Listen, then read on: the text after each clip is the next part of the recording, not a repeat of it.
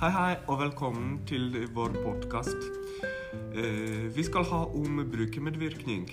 Jeg heter Igor og har med meg tre flotte gjester som heter Charlotte, Ayla og Tale. Ja, Charlotte, kan du si noe om hva som ligger i begrepet brukermedvirkning? Ja, det kan jeg jo. Det er en rett til medbestemmelse. Eh, å bli invitert til å komme med ideer og ta medansvar. Eh, og medvirkning handler jo med andre ord om mer, om mer kompliserte prosesser enn å innføre bedre rutiner. Eh, og medvirkning handler jo om kunnskaper, ferdigheter, holdninger hos de ansatte, da.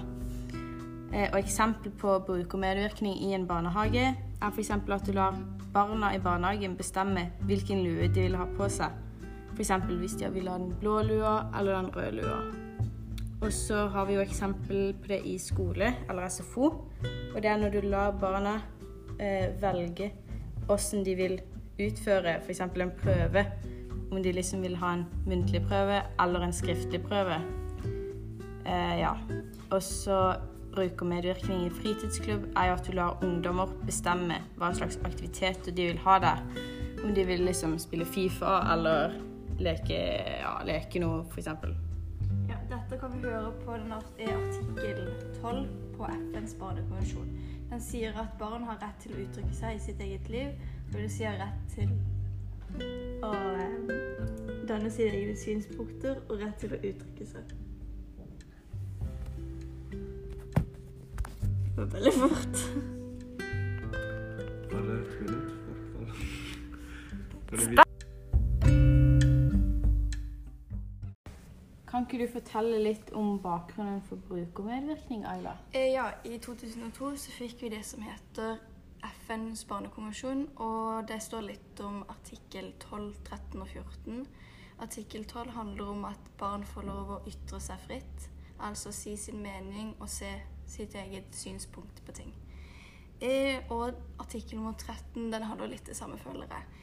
Eh, det står litt om at du får lov å ytre deg fritt, og det er jo, det, er jo det samme med å da, si sin mening, men det handler litt mer om at du får lov å skrive, si muntlig på hvilken som helst måte.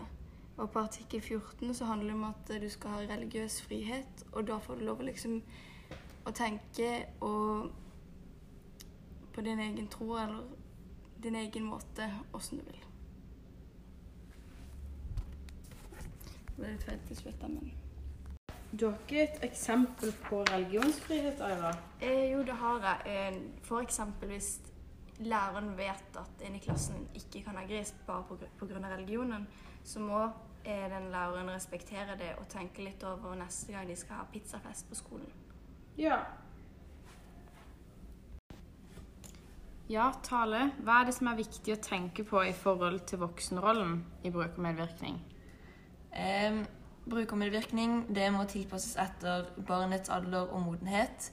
Men barnets muligheter for brukermedvirkning må være avhengig av den voksnes tanker og må gi ansvar for barnas eget liv i barnehage og skole. Ja, Det kan vi si litt om at uh, av og til så må du bruke autoritære metoder, eller f.eks. er det demokrati. Det kommer an på hva som skjer. Om det er en farlig situasjon, så må du bruke autoritære metoder. Ja, kan du snakke litt om det? Om autoritærmetoden? Ja, altså det betyr at den eh, voksne liksom bestemmer, altså at eh, barn har ikke noe medvirkning. Eh, og denne måten vil de jo helst unngå å bruke hvis ikke det er noen et barn som løper ut i veien, eller noen som slår seg veldig hardt. Eh, eh, derfor vil de helst prøve å bruke den demokratiske metoden, som Og det er liksom når både den voksne og barnet får mulighet til å eh, Se, se forskjellige sider i et historie eller et Ja. problem. og at begge får komme til ordet. Eh, og det er liksom viktig at eh, voksne også har noen grenser, men eh, at de liksom har grenser med kjærlighet. Altså ikke at de liksom bestemmer som i den autoritære, men at de kan bli enige liksom om noe, da. Ja, du ser de ulike situasjonene, og da du som voksen, da, har du, da må du bestemme om det er en veldig farlig situasjon, om du skal bruke demokratisk eller autoritær.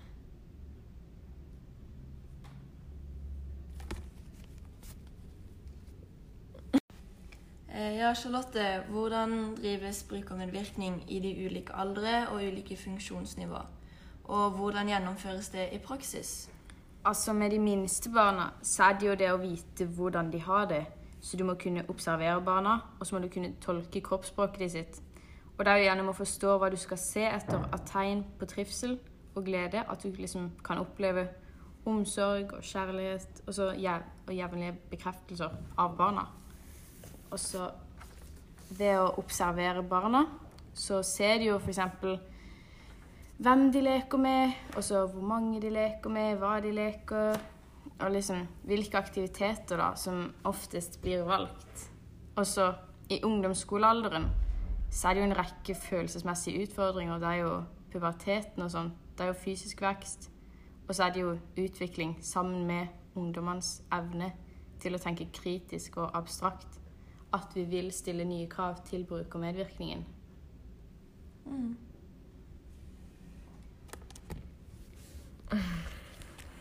Ja, Ayla. Hva må vi tenke på i forhold til etikk i brukermedvirkning? Ja. Vet du det? Eh, Ja, loven sier at barn har rett til å medvirke eh, i sitt eget liv. Etikken handler om at du, som voksen lar barnet eh, bestemme over sitt eget liv på en riktig retning. Da. Altså at du, må, du må bestemme selv om det er riktig og galt. For eksempel det som er riktig å gjøre hvis klassen har lyst for eksempel å ha presentasjon istedenfor prøve, og så er det demokrati, og nesten hele klassen har lyst på prestasjon, så kan du tenke litt over det og ha prestasjon.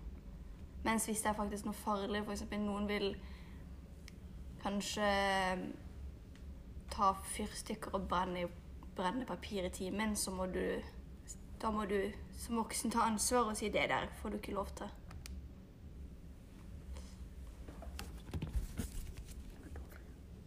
Ja, vi har jo lært veldig mye om brukermedvirkning nå, og fått hørt veldig mye om hva det er. Um, men hvilke konsekvenser er det som kan komme av bruk og medvirkning?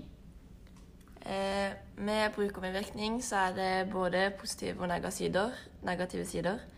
Eh, men um, og noen positive sider er at liksom barnet med, er med på å bestemme over sitt liv og liksom hvilke tanker de har. og De blir jo mer reflektert av da. Eh, og de negative sidene sier jo noe om Ja, om at for eksempel så har jo det barnet kanskje litt dårlig, blir mobba på skolen, og det kan være negativt hvis barnet får ikke lov å si sin mening, eller si hva som, blir, hva som skjer på skole eller hjemme. Ja, og de kan krangle, og da kan det oppstå en konflikt, kanskje. Men hva skjer liksom hvis ikke barna får være med og bestemme? Altså sånn. Ja, de kan føle seg usett. Ja Nei, jeg vet ikke.